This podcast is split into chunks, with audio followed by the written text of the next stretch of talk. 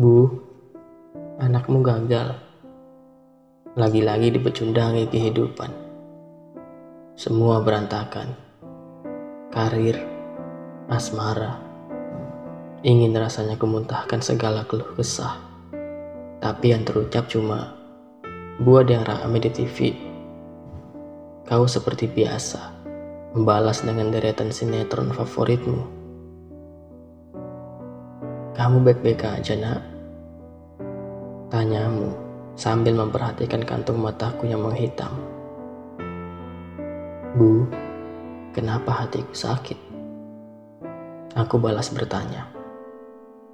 Itu tandanya Tuhan peduli padamu. Terus kenapa ada rasa sakit? Ya supaya kita lebih bersyukur saat sehat. Ibu selalu saja punya jawabannya. Kau lanjut bertanya perihal ini itu. Aku tahu, ibu tidak mengerti aku ngomong apa. Tapi melihatmu antusias, rasanya hangat sekali. Kemudian kulihat kau dengan lebih seksama. Rambut yang dulu hitam pekat, kini berubah menjadi putih seperti susu.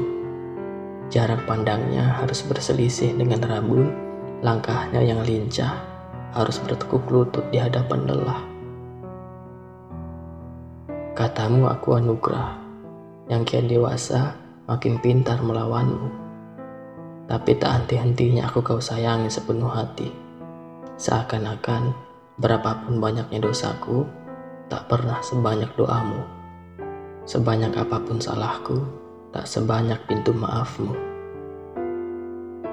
Ah, ibu, apa-apa yang aku perbuat, pasti ada saja yang ibu komentari.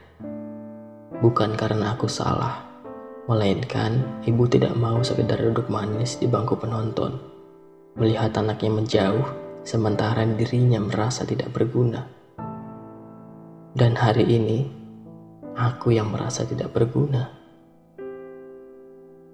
Bu, anakmu gagal. Akhirnya aku berani mengucapkan itu. Kau mengusap rambutku sembari tersenyum. Kan masih ada lain hari. Nanti coba lagi ya. Sekarang istirahat dulu.